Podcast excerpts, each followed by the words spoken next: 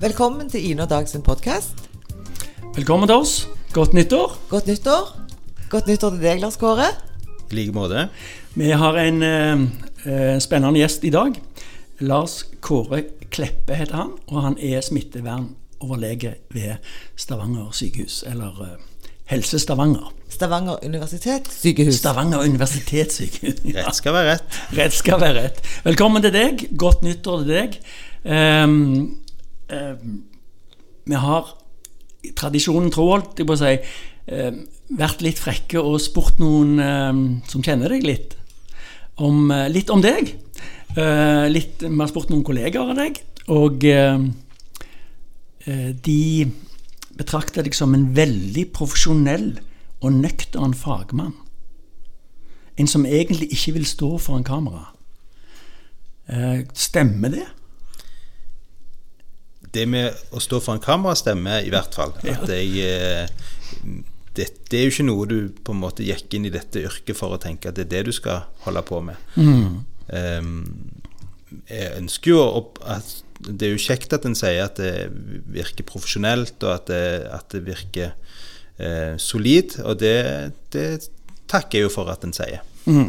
Um, du er da smittevernoverlege. Og før um, koronaen, altså to år siden, så var det vel knapt noen som hadde hørt om den yrkestittelen. Altså, um, En hadde hørt om leger, selvfølgelig, men smittevernoverlege, so what? Det var, det var ikke så interessant. Eh, dette har jo endra seg veldig i løpet av de siste to årene. Og dere har jo nesten blitt slags mediekjendiser og, og slags sånn, litt sånn rockestjerner i, i mediene. Um, det at du har blitt så synlig nå, hvordan, eh, hvordan, hvordan merker du det? Hvordan, liker du det? Jeg merker ikke veldig mye til det i, i, det daglige. Jeg tror jo at det er de som kjenner meg, som, som, følger, som gjerne kommenterer det mest. Eh, Ehm, sånn at jeg opplever ikke at det, at det, er spesielt annerledes. Av og til så er det kjekt eh, hvis du går på kjøpesenter eller i byen, eller noe sånt, så ser folk si ja, det er kjekt å se deg her, for da, føles det trygt. Mm. Eh, men utover det så, så, tenker ikke, så tenker ikke jeg noe på det. Jeg merker jo at eh, en får en del tilbakemeldinger eh, fra mine kolleger når du er ute i, i sykehuset, og at mm. de takker for, for det, stort sett det er bra. Mm. Må jo korrigere deg litt, da. for du sier før hadde vi ikke hørt om smittevernoverlegene. Vi hadde jo det, det har jo vært infeksjoner og viruser og bakterier òg før pandemien. Ja, jeg er klar over det, men, men du, du, skjønner hva jeg mener. Jeg tror vi snakker om en mange mangedobling av fokus ja. på den jobben som smittevernoverlegene gjør. Ja, Det kan jeg være enig i. Det tror jeg vi kan si. Og i alle kommuner og alle, alle plasser i landet. Mm. Det er jo det. Mm. Mm. Men jeg har lyst til å ta oss med litt tilbake til eh, noe som skjedde i, tidlig i 2020. Da, det var kanskje mitt første møte med deg som, som fagmann. Du ble intervjua av eh, Hilde Moi Østbø i Stavanger Aftenblad. Og da sa du dette. Hva skal folk gjøre hvis de mistenker at de er smitta av koronaviruset? Så skal de ta kontakt med legen og Det skal en gjøre via eh, legevakten eh, og ta kontakt på telefon. Så vil vi bli gitt råd til den enkelte personen på telefon om en skal, hvordan en skal få komme til å teste seg. Hvordan er dere forberedt på det som eventuelt kommer? Sammen med fylkeslegen og med kommunene har vi forberedt helsevesenet på å kunne ta imot pasientene Eh, og her inne på sykehuset så har en eh, alltid tilgjengelige fasiliteter for å kunne isolere pasienter med denne typen tilstander. Har dere allerede testa noen for dette viruset i Stavanger? Det er testa eh, for dette viruset i flere steder i, i Norge, og vi har òg sendt prøver her fra Stavanger. Og Hva var resultatet ved dem?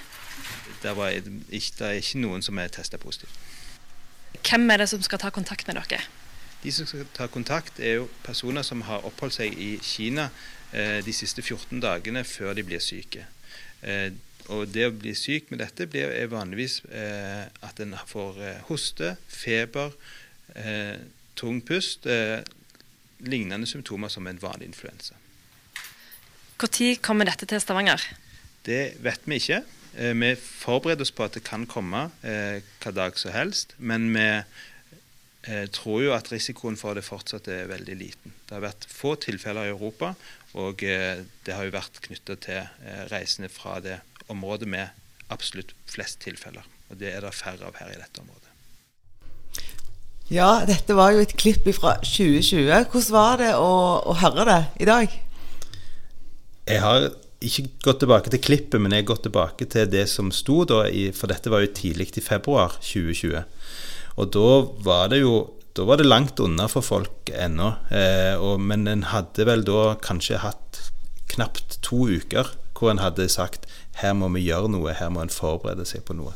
Sånn at eh, eh, ja, en, eh, jo, en har jo sagt da liten risiko eh, på det tidspunktet, og det var jo i tråd med det som en tenkte på nasjonalt nivå òg. Jeg er jo litt glad for at det likevel ikke at en, at en sier ikke Nei, dette kommer ikke til å skje.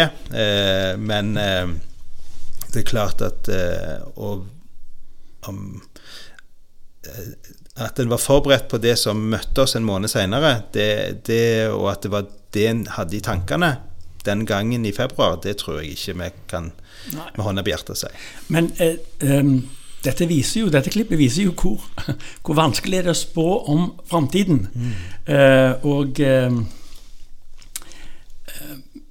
de, som, de som begynte først, og, og liksom allerede sånn i februar 2020 eh, å slå alarm, var de sett på som litt hysteriske, eller? Nei, det tror jeg ikke. Men det var vel det var ikke så mange som jeg tenker som eh, slo alarm på den vis, og som ikke ble på, eh, oppfattet som realistiske. Eh, de siste ukene av februar, da var det jo da var alle opptatt av at en skulle på ferie, og at det var høst, eh, vinterferie.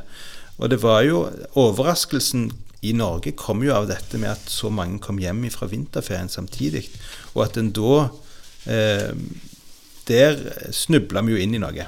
Ikke minst på vinterferie i utlandet. I utlandet. Østerrike, Italia. Italia, Østerrike, men òg England. Eh, det var nok mange som ble smitta på, på turer til London og sånt.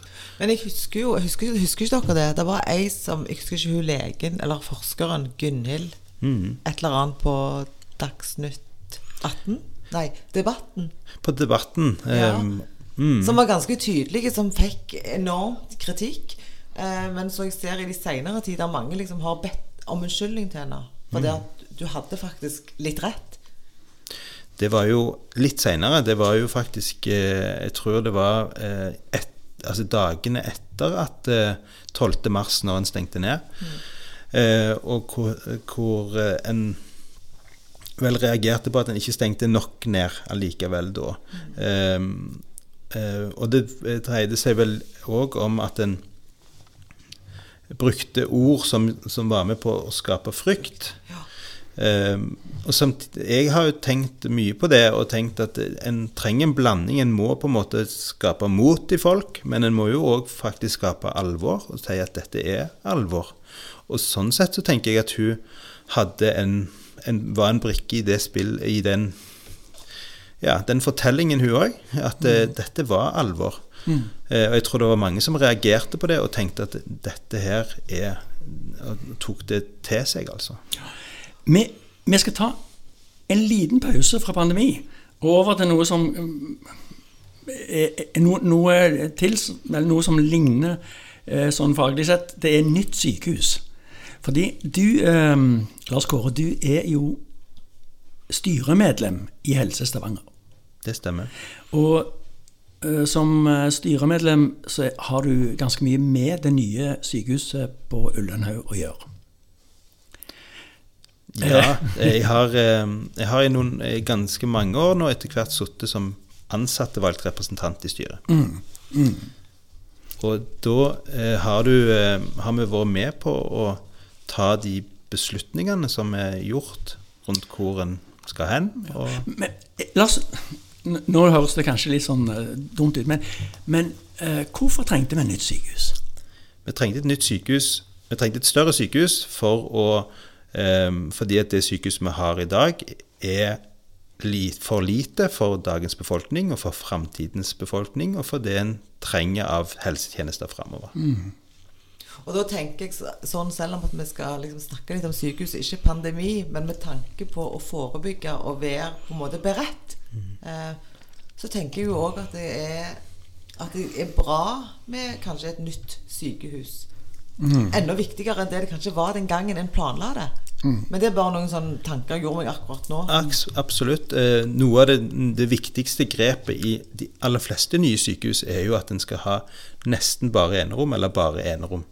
Og det vil jo gjøre risikoen for å smitte eh, nabopasienter og kunne håndtere ting hver for seg mye lettere. Vi har jo til dels eh, rom hvor det ligger fem, og det kan ligge seks personer på samme rommet. Folk ligger på korridorer. Det gjør det vanskelig å Du kan ikke ha koronapasienter på seksmannsrom. Nei, så SUS i dag er et vanskelig sykehus å drive pandemi. Ja.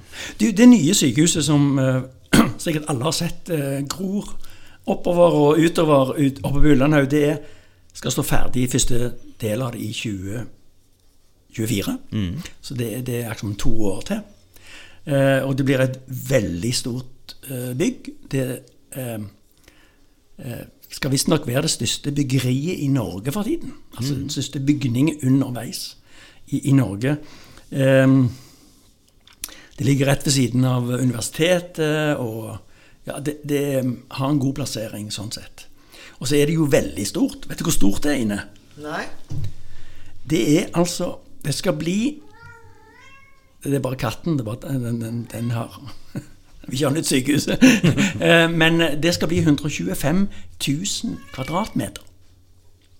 Og det, jeg, jeg satt og tenkte på det sier jo ingen, Sånn tall sier jo veldig lite. Men vet du hvor stort kvadrat det er? Eh, Sånn i forhold til Altså eh, i forhold til kvadratmeter. Nei, ikke akkurat kvadrat, men eh, vi, har vi så vel at eh, altså, Jeg lurer på om konserthuset i Stavanger er noe sånt som 10 000 kvadratmeter. Eh, og så det er, Du er helt rett i at det er et kjempestort eh, byggverk, og kanskje det største. Ja, kvadrat er 80, 88 000 kvadratmeter. Altså eh, Det begynner å nærme seg dobbelt så stort som kvadrat. I antall kvadratmeter. Ikke svært det inne? Jo. Men det er vanskelig å Når du sier sånn som du sier når du sier de tallene, så Ja. Det er sånn, Du må se det for deg. Men, Men det er dyrt. Det er veldig dyrt. Og, og, og jeg jeg har jo sett litt på sånne finansieringsplaner, og det er jo penger som kommer hist og pist og fra. Ehm, eh, går dette utover noe? Er, er det ting vi ikke får gjort siden vi bygger sykehus? Til en viss grad så er det nok det. Eh, det er ikke lett å på en måte peke på, fordi at en eh, Vi ser jo at en vi klarer å håndtere de pasientbehovene som en har, kanskje på, i, i samme grad som andre sykehus. Eh, men har, Stavanger har alltid vært et sykehus som har drevet, blitt drevet veldig effektivt. Det har vært få, få ansatte eh, sammenlignet med andre sykehus, og en har fått gjort mye. Og det er klart at når du da i tillegg skal, skal eh, prøve å holde igjen på, på økonomien til nye ansatte for å kunne holde, for å holde nok midler til å investere i, så, så, så er jo det noen eh, Ja, de går på tvers av hverandre. Ehm, jeg, jeg har um, Helse Stavanger er jo et offentlig foretak. Og der ligger jo alle styrepapirene. De ligger jo offentlig ute. Så jeg har lasta ned styrepapirene bare for å ja, skal, Hvordan er det å være i styret i Helse Du har rett og slett gjort litt sånn research. Research. Jeg har lasta ned. Og noe av det som jeg slår meg, det er at det er veldig mye snakk om Det er nesten som, som en vanlig bedrift. Det er snakk om ø, overskudd og inntekter og utgifter. Og så, så demrer det jo for meg at eh, det har jo skjedd ganske mye med helsemodellen eh, i de siste 15-20 årene. Eh, hva syns du om, om, om å drive sykehusene som foretak, som, som bedrifter? Nå, nå er det jo nesten 20 år siden foretaksreformen kom. og eh, før det var det jo fylkeskommunene som drev sykehusene. Eh, jeg tror jo at den, Det finnes jo sikkert ingen optimal modell, eh, og dette har jo eh, En har hatt denne modellen i 20 år. Jeg eh, tenker at det er eh, få av oss som jobber i sykehuset som kjenner igjen den gamle modellen. eller som vet, og Det er ikke så lett å peke på akkurat hva skal en endre. Men eh, noe av det som folk eh, og som en kan godt forstå at folk reagerer på, er jo dette med overskudd og dette med Likviditet. ja, Altså, det var et rart ord. ja, det er klart, Sånne ting lærte en heller ikke på doktorskolen. Og eh, det er grenser for hvor mye en kan sette En må stole på at, en, at de som er ansatt for det, òg har kontrollen på det. Men, men, men en bottom line er jo for meg i hvert fall at vi, vi får en viss mengde penger eh, fra staten for å eh, levere helsetjenester. Og eh, de eh, Det skal både gå til å faktisk behandle pasientene som en ja, men òg at vi har et tak over hodet. Men, det er jo litt rart, for at jeg trodde jo at i Norge så, em, så er det ikke pengene som stopper helsetjenester. Så eh, Jeg vil jo aldri si til en person som er nesten frisk at nå stopper vi behandlingen, for det er ikke penger igjen. Så Det ville jo vært helt utenkelig. Men, mens en, en bedrift vil jo gjerne si nå kan ikke vi levere mer til deg, for du har ikke betalt regningen. Altså sånn at eh, eh, Og så har jeg en liten, en liten sånn Bare som gjør det litt sånn tydelig hvorfor eh, det er litt rart. Det, det står her på siste Dette er den siste eh, styremøtet deres, tror jeg. Det står covid-19, kolon. Totalt er det merket 5,1 millioner kroner i merkostnader knyttet til covid-19 i november, og 8,7 millioner kroner i merinntekter. Altså, eh, covid-19 har gitt sykehuset 8,7 millioner kroner i merinntekter. Og det, det, det er sikkert noe sånn tallmagi bak det, men, men det er jo litt Blander en liksom ikke litt sånn epler og bananer her? Helse og penger og Jo, jeg tror for de, for de fleste helse, eh, som jobber i helse, så har en jo ikke lyst til å forholde seg til penger og til hva ting koster og sånt. Eh, Men eh, det er jo ikke ubegrensa med ressurser. Det, det viser jo denne altså pandemisituasjonen òg. Men sykehusene og helsetjenesten har jo i disse eh, fasene, da i hvert fall periodevis, sagt at det her det skal ikke stå på penger. Og det er gjerne der disse her inntektene kommer inn òg. Men det koster penger å drive pandemi. Ja. Jeg er jo jeg er òg opptatt av tall, Dag, men sikkert ikke så mye som deg. Nei, Nei jeg, jeg tenker jo først og fremst at vi er utrolig heldige her i Stavanger som skal få et nytt sykehus. Eh, og som er på en måte helt topp modernisert med det beste utstyret, med enerom, sånn som du sier. Og så lurer jeg på hva gjør vi med det gamle? Skal det òg fortsatt være i drift? Ja, det er jo For nå er vi inne på noe Vi sier at vi har får et nytt sykehus. Men i 2024 så får vi et nytt døgnsykehus. Dvs. Si at alle som skal ligge inne om nettene, og som trenger behandling 24-7, de skal få behandling på nye SUS. Eh, mens veldig mye av eh, det som er dagaktivitet, poliklinikkaktivitet, og, og hele psykiatrien, barne- og ungdomspsykiatrien, vil bli værende igjen på Våland. Mm. Psykiatrien eh, det, det er jo et, et voksende helseproblem. Eh, Er det, vil det få mer plass? Ikke, ikke i 2024 av, av flyttingen, fordi Nei. at en vil ikke ta, ta andre arealer i bruk da. Men eh, tanken er jo at en eh, i løpet av årene etterpå skal kunne eh, begynne å bygge mer, men det krever enda mer penger. Og de pengene er ikke, er ikke på plass, sånn som dagens finansieringsmodell er for sykehusene.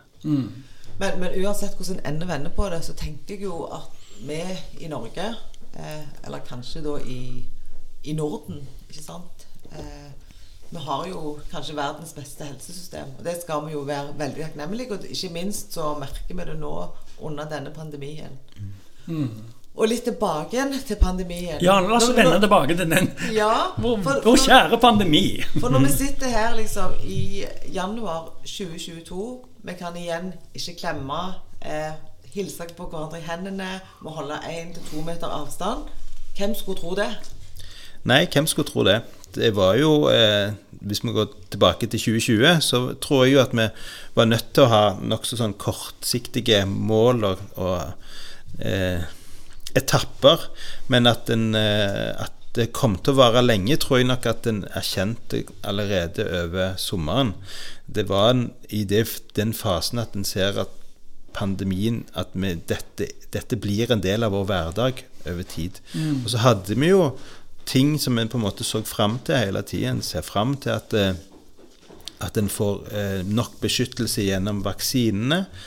Og så er det andre veien har det kommet eh, Har jo de nye mutasjonene kommet, som da har gjort det målet i det, har skjøvet målet lenger bakover eller i det fjerne. Mm.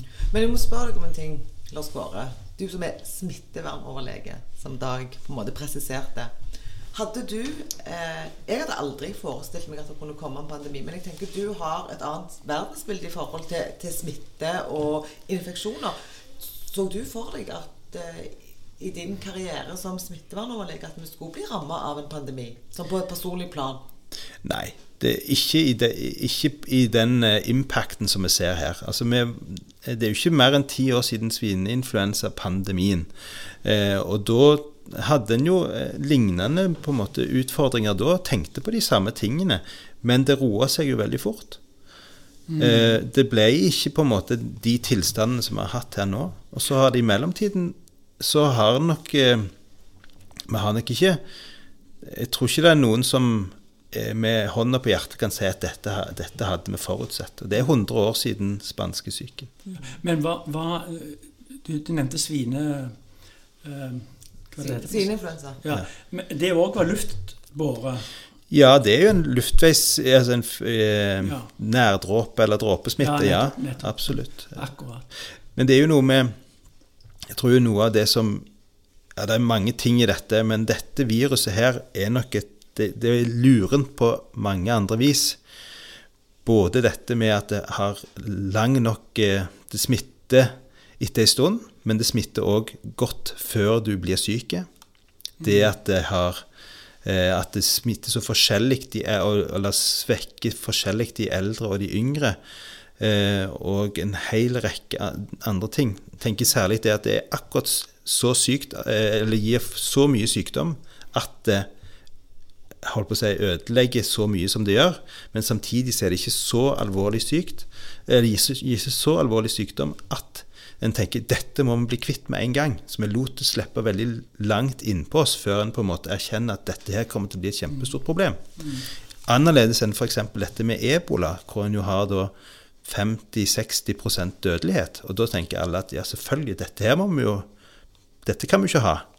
Så i dette har det funnet liksom en sånn et spor som er, er, veldig Det gir mye omfattende sykdom, men ikke nok til at en kutter det ut. Ja, og så ser vi, I dag er det 3. januar, og i dag kunne vi lese at det var 26 eh, innlagt på eh, intensiven. Nei, det er på alle, alle på sykehuset. Alle på sykehuset, mm. ja. Mm. Uh, og at det var det, mest, det høyeste tallet, men det har òg ligget på det tidligere. Og så tenker jeg litt sånn OK, 3. januar. Uh, hvor er vi om tre måneder? Mm. Er, er det, er vi, har vi gått ned? Har vi gått opp? Det gikk jo ikke så veldig bra med spådommene for første gangen, men eh, først vil jeg si at når vi har vi hadde 26 her, har hatt det nå i løpet av, en, i løpet av julen og nyttårshelga, så har det ligget rundt det. Um, samtidig så har vi jo hatt enormt mange som er smitta ute i samfunnet. Og hvis en ser tilbake på sånn som en hadde det f.eks. i i vinter og eh, tidlig eh, rundt påsketider, så hadde vi òg rundt 20 pasienter innlagt. Men da hadde vi gjerne kanskje en fjerdedel eller en femtedel av den smitten som vi har i samfunnet. Så det er jo vaksiner som har medført at vi har, har kunnet eh, At det er så mye smitte i samfunnet, likevel såpass få som faktisk er innlagt på sykehuset. Mm.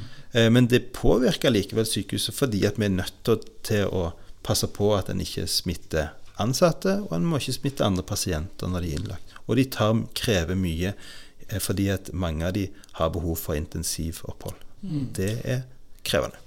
Du, eh, du eh, altså denne pandemien påvirker jo ikke bare sykehuset og de som blir syke, men det påvirker jo hele samfunnet med skoler, barer. Ting stenger ned, de åpner opp igjen, stenger ned igjen.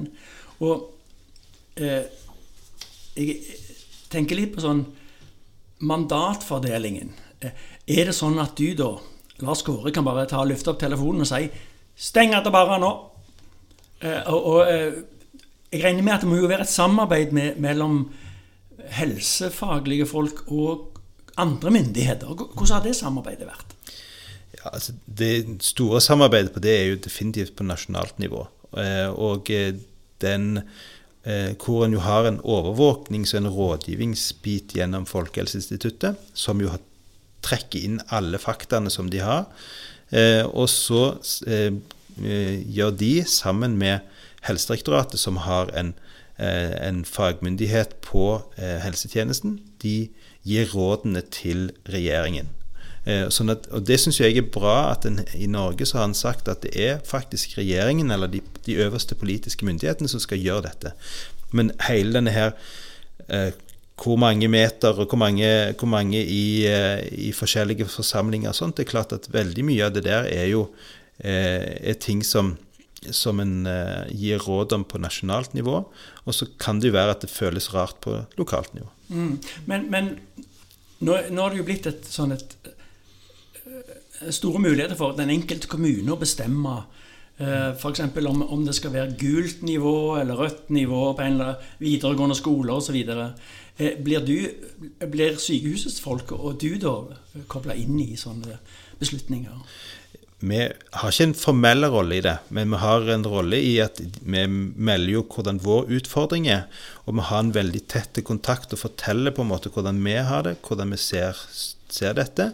Eh, og så er det jo eh, Så har jo eh, smittevernoverlegene og de kommunale eh, Altså kommunedirektør og ordfører, de, de, beslutter jo på bakgrunn av rådene som, mm. som kommuneoverlegene gir. Mm.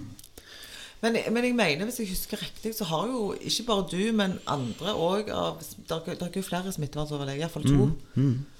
Eh, dere har noen ganger vært ute i Stavanger Aftenblad og, og, gitt noen oppfordringer. Stemmer det, ikke det? Det stemmer. Ja. Og det er klart at vi har eh, I perioder så har vi eh, tenkt at eh, Eller så har vi blitt spurt om vår oppfatning, og vi har òg eh, vært ærlige når vi syns at eh, vi, vi, tror dette er for lite, eller, mm. eller at ja, at det er spesielle ting rundt tiltakene som kunne vært eh, som vi kunne kommentert på, men, men, i det store og det hele så tror jeg nok vi er stort sett enige. Mm. mm. Det, det, som eh, har vært aktuelt den siste tiden, er jo eh, Skal han innføre koronapass? Mm. Eh, og det er jo en, det er en politisk beslutning, da. F.eks. om du skal måtte vise fram et eller annet papir for å komme inn på en pub. Mm. Som, det er jo sånn et koronapass vil, vil fungere. Um, er det smart? Er det dumt? Hva syns du? Akkurat nå i begynnelsen av januar 2022 så er vi jo i en eh, så, skal, så tror jo vi at vi kommer inn i en omikronbølge som har to ting med seg, nemlig at den smitter nok veldig fort, og vi er ikke sikre på hvor godt vaksine virker, særlig mot mild sykdom og smitte. Og dermed så vil jo det å eh, at en, det at en har en vaksinert, eller er vaksinert, vil nok gi mest effekt for den, den enkelte som for å beskytte mot å bli syk sjøl. Kanskje mindre enn det å smitte videre. Mm. Og dermed så er, er jo dilemmaet en har, da, at eh, hvis, hvis, det skal være et, eh, et slags eh, en billett inn i noe, så så var nok det mer relevant tidligere når en hadde en At eh, den beskyttes bedre òg mot det å smitte og mm. smitte videre. Mm. Jeg, når, når, det var vel et par uker siden det var um, kom fram at det var politisk vilje for å gjøre noe sånt, eller lukta på det, i hvert fall i Stavanger. Mm. Eh, og, og, da dukket jo uh, disse som er litt skeptiske til vaksine, de blomstra jo. For det, det vil jo være en slags sånn, forfordeling at eh, de som tar vaksinen, de får gå på pub, og de andre får ikke gå på pub, for å si det veldig enkelt. Um, Ja. men, men, men, men, vi spør jo folk om eh, Unnskyld, men har du sertifikat? Ja, vær så god, du kan kjøre bil. Altså, Det er jo ting du har lov til å gjøre. Hvis du har en eller annen type form for dokumentasjon på noe. Fra vår side så tenker jo jeg at ehm, det viktigste er jo at en vet hva, er, hva, hva skal en oppnå med det. Eh, og hvis en skal oppnå at en skal få lov til å være mer eh, ute, eller at en skal få åpne mer og åpne raskere enn en ellers ville gjort, så tenker jeg at en må vite at det, det er ikke sikkert at det er nødvendigvis bare vaksinestatusen som har noe å si. Det er jo, eh, og mange av disse eh, passene for eksempel, som de har, eh, har brukt i Danmark, har brukt i andre europeiske land, dreier seg ikke bare om vaksine eller ikke vaksine, men det dreier seg jo om har du sånn at du kan teste deg, og allikevel da få lov til å komme inn på enten her eller der. Eh, og det, vil jo, det gjør jo at du allikevel åpner opp for at alle skal gjøre det. Og om noen har da eh, valgt å ta eh, vaksinene, og dermed unngår eh, å måtte ta den turen til en teststasjon dagen før, eller noe sånt, det er, det er jo Da har en i hvert fall to muligheter.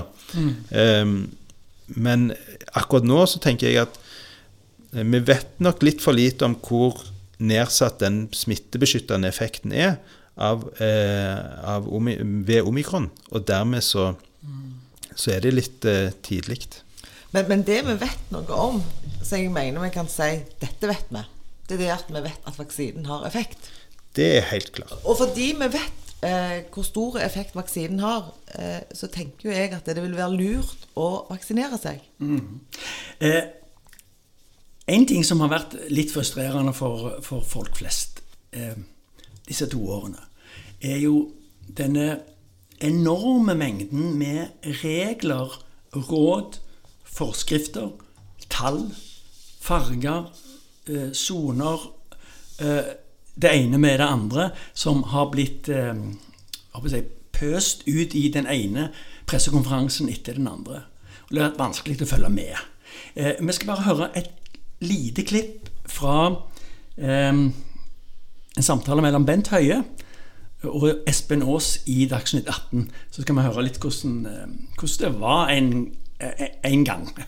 Dette tror jeg er fra eh, i vår, kanskje 2021. Og så i skolen, der var det også fargekoder. Grønt nivå var det fint, gult nivå midt på, rødt nivå så, så var det alarm. Og med alle disse fargene, kodene og bokstavene så ble noen litt forvirret. Da inviterte vi Bent Høie til studio for å forklare oss det hele. Det er veldig, egentlig ganske enkelt. Ringene det bruker vi om det geografiske området. Sånn at Ring 1 det er den kommunen der det er utbrudd i, og eventuelt andre kommuner som er tett inne i, med utbruddskommunen. Mens Ring 2 er kommunene rundt der igjen, som allikevel er integrert som en del f.eks. i en bo- og arbeidsregion. Så er det jo sånn at eh, I begynnelsen så var det noen som tenkte at eh, hvis du er Ring 1, da har du de aller strengeste tiltakene i boka. Det er jo ikke nødvendigvis tilfellet, fordi noen utbrudd er jo ikke så alvorlig at det er nødvendig. Og Derfor har vi etablert i den nasjonale forskriften fire ulike tiltakspakker, eller nivåer. Som er det- bokstavene. Ja, og Vi har vært veldig klare på at bokstavene er ikke ment som en del av den offentlige kommunikasjonen ute på folk flest. Det er noe som skal brukes eksempel av de som jobber i kommunen for å finne fram i forskriften. Eh, Så det er jo, og Egentlig så er det jo sånn at de fleste er jo mest opptatt av hva som gjelder i sin kommune. Og det som gjelder i sin kommune, det får en jo veldig klar beskjed om. Jeg, jeg er litt eh, på jakt etter at eh, Bent Høie skal klargjøre om kommunenes risikonivå fra 1 til 5. Hvilken rolle skal de spille opp mot tiltakspakke A til D? Hvor, liksom, hvordan treffer disse hverandre? Og, og da opp mot gult, rødt og, og, og grønt i skolene. Hvor, hvor treffer disse nivåene hverandre? Har man noe godt svar på det? Ja, det var jo Bent Høie som sa at du måtte bare følge det som var i din kommune, men det, det har ikke vært så lett eh, alltid det heller. Eh, hvordan har det vært for dere på innsiden av, av helsevesenet å forholde dere til alle disse reglene? Det er jo, hos oss i sykehuset så har vi jo hatt mange forskjellige regler og råd når det gjelder både eh, hva slags utstyr en skal bruke, slags, eh, hvem en skal teste, alle disse tingene her. Og òg alle disse rådene som en skal følge fordi en er en del av samfunnet, nemlig altså hvor mange en skulle være på forskjellige arrangementer, hvor, mange, hvor stor avstanden skulle være, og hvor lenge. Og alt, og alt dette har vært kjempevanskelig å henge med i svingene på. Um, og uh, det har jo kommet, det kommet veldig raskt, og det blir beslutta en dag og er, er, er Vekke neste dag. Ja, det er det òg. Ja. Eh, men det er jo eh, Det var kanskje ikke så rart at eh, statsminister Erna Solberg hadde vanskelig med å forstå de reglene hun sjøl hadde Eh, presentert. Det jo, hørtes jo litt ut som om det var bare én som visste alle de reglene. Det var Bent eh, Høie, at jeg måtte ja. ringe til han. Eh, ja, og når han da sitter i NRK og snakker til vanlige folk og sier at disse reglene gjelder egentlig for de, ikke for vanlige folk, men for de som jobber i helsevesenet. Nei, det, det har vært tøffe tak, og jeg tenker særlig òg på kommunene, som jo skal da passe på at dette passer med egen virksomhet òg. Mm. Men, men jeg syns jo at, eh, at, Bent Høie gjorde en veldig god jobb når han var helseminister. Vi har en ny helseminister nå, og, men hun har ikke fått vært fylt så lenge. Men, men eh, jeg syns jo at, eh, at, Bent Høie gjorde en, en god jobb. Ja, det, det syns jo Det tror jeg er helt enig i, men, men det det viser dette her, er jo hvilken formidabel altså snakker maraton. Det har, det har vært en informasjonsmaraton. Mm. Kanskje mer enn noe annet.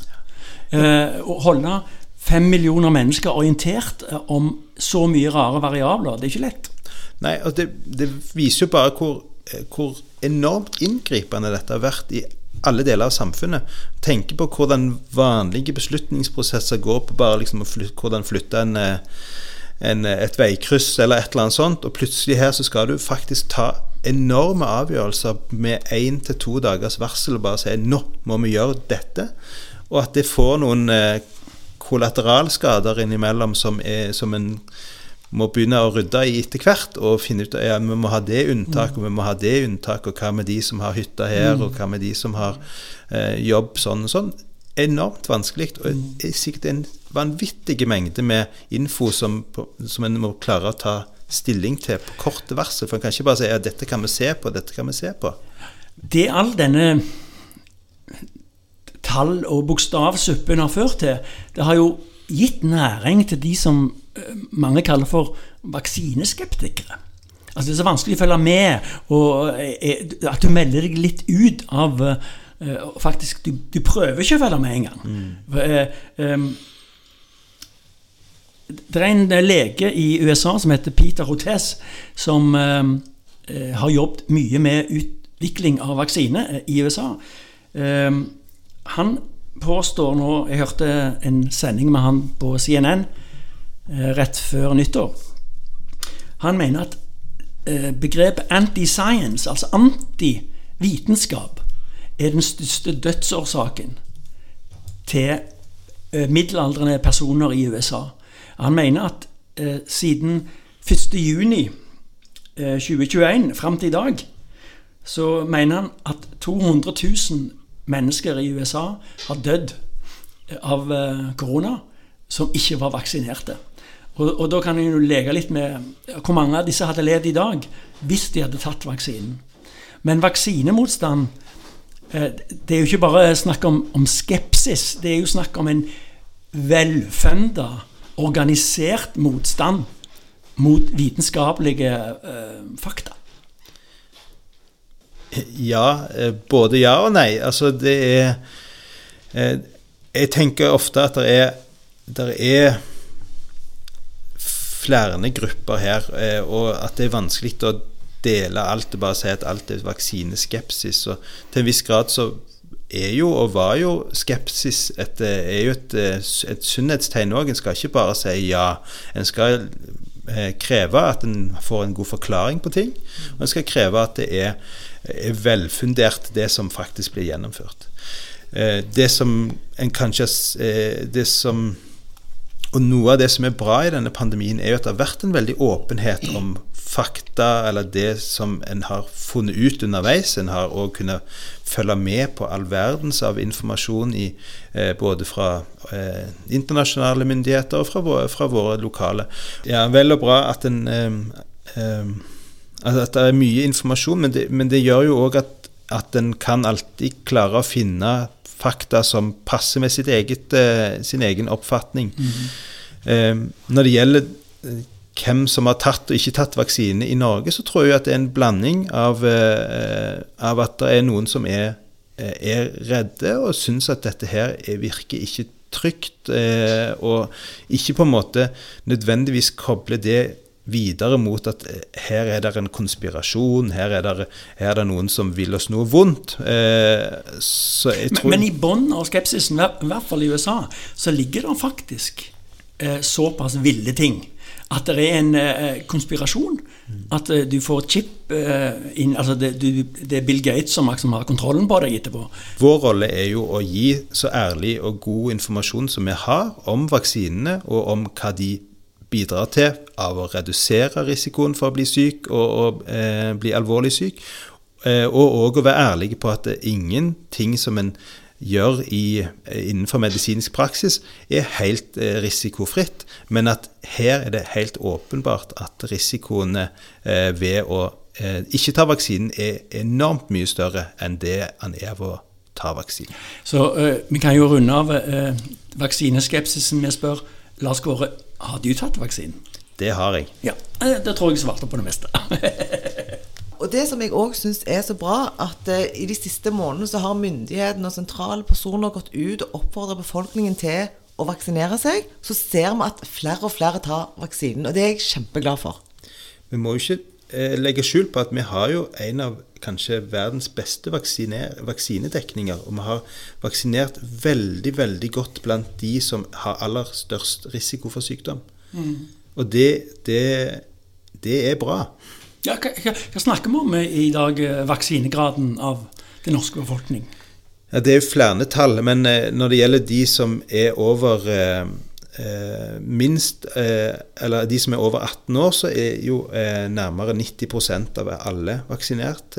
og når det gjelder de som er over 65, så er vi jo godt over 95 mm. Det ikke mye skepsis der i går. Nei, men det er jo kjempebra. Ja, veldig bra. Ja. Og, og, og, noen har kanskje ikke fått tid Kanskje de har vært eh, Nei, det var en del i julen folk avlyste pga. at de ikke ble syke i julen. Så. Jeg tror, ikke det, jeg tror ikke det er det som på en måte gjør de store endringene. Det er jo, det er også, eh, det at det nå har fått kommet i gang igjen med denne tredje dosen, er jo òg det, det, er jo bare noen uker en har holdt på med det, og en er jo Eh, en har jo fått et, eh, det til på en veldig rask måte, det òg. Og folk mm. følger opp. De gjør det. Mm. Ja. Men apropos regler og det der med å, å klare å henge med i svingene.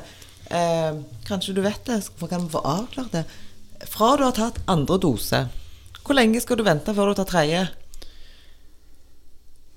Det er vel tre måneder en har sagt nå. Nei, nei, sorry. Det er fire Det er fire og en halv måned eller 20 uker.